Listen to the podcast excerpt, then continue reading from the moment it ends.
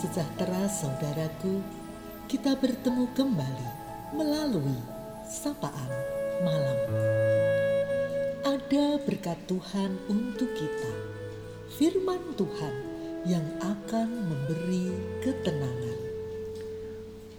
Saudara, pelajaran terbesar dalam kehidupan salah satunya diperoleh dari kegagalan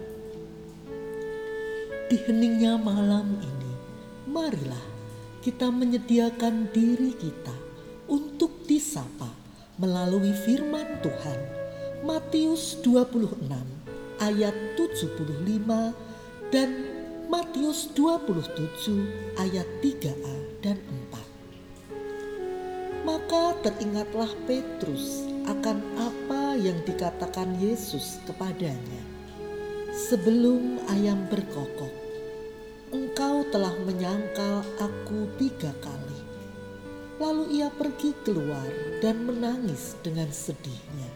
Pada waktu Yudas yang menyerahkan dia melihat bahwa Yesus telah dijatuhi hukuman mati, menyesalah ia. Aku telah berdosa karena menyerahkan darah orang tak bersalah. Saudara, Seorang pianis tekun berlatih demi memenangkan kontes. Dalam lomba, ia kalah. Namun ia tidak kecewa. Sebelum mengikuti kontes, aku telah mempersiapkan diri jika aku gagal. Demikian dia berkata. Saudara, banyak orang hanya siap untuk menang sehingga ketika gagal maka kegagalan tersebut terasa begitu menyakitkan. Padahal kegagalan tidak sepenuhnya buruk. Hari ini kita belajar pada dua murid Yesus. Yang pertama dari tragedi Yudas. Ia salah seorang murid Yesus. Ia datang kepada para imam kepala yang sedang bermufakat untuk menangkap Yesus. Kepada mereka Yudas menawarkan jasa antar sekaligus memberitahukan keberadaan Yesus. Para imam memberi imbalan 30 uang perak kepada Yudas.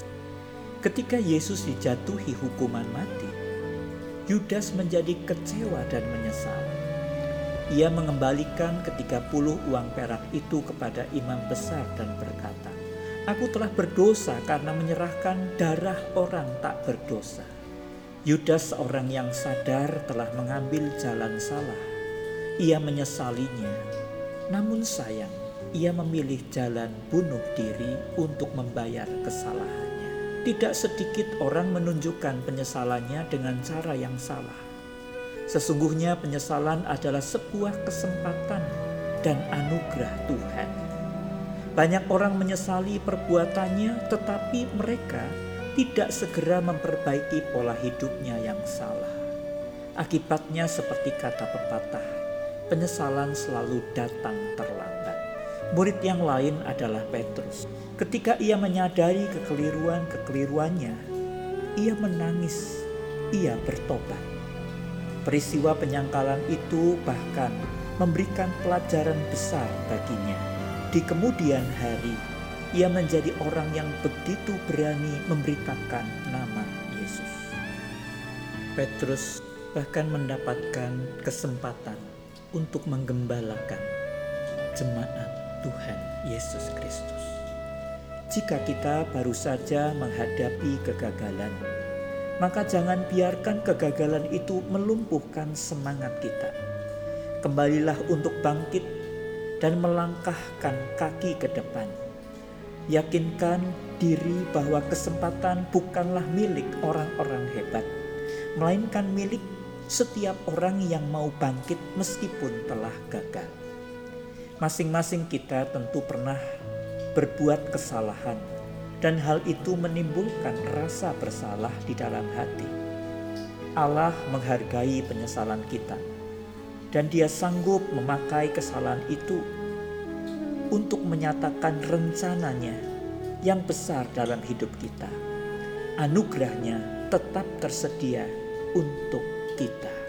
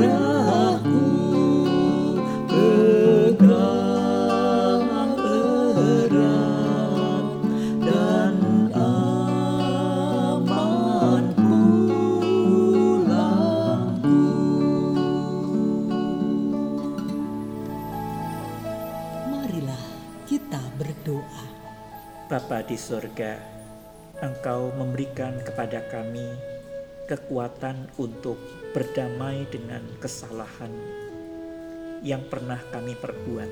Kami boleh kembali ke dalam kehidupan yang benar. Terima kasih Bapa. Berdoa untuk setiap perjuangan yang sedang dilakukan bagi anak-anak Tuhan baik mengatasi masalah ekonomi maupun juga sakit penyakit Engkau Tuhan yang akan memberikan berkat jalan keluar. Bapa kami serahkan malam hari ini, kami akan beristirahat. Mohon berkatmu Tuhan untuk kami boleh bersama-sama beristirahat dengan baik.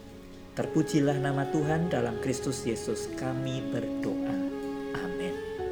Selamat malam saudaraku, kekeliruan mungkin saja terjadi tetapi tetaplah datang kepadanya dan hadapilah bersama dengan Tuhan. Selamat beristirahat. Tuhan Yesus memberkati.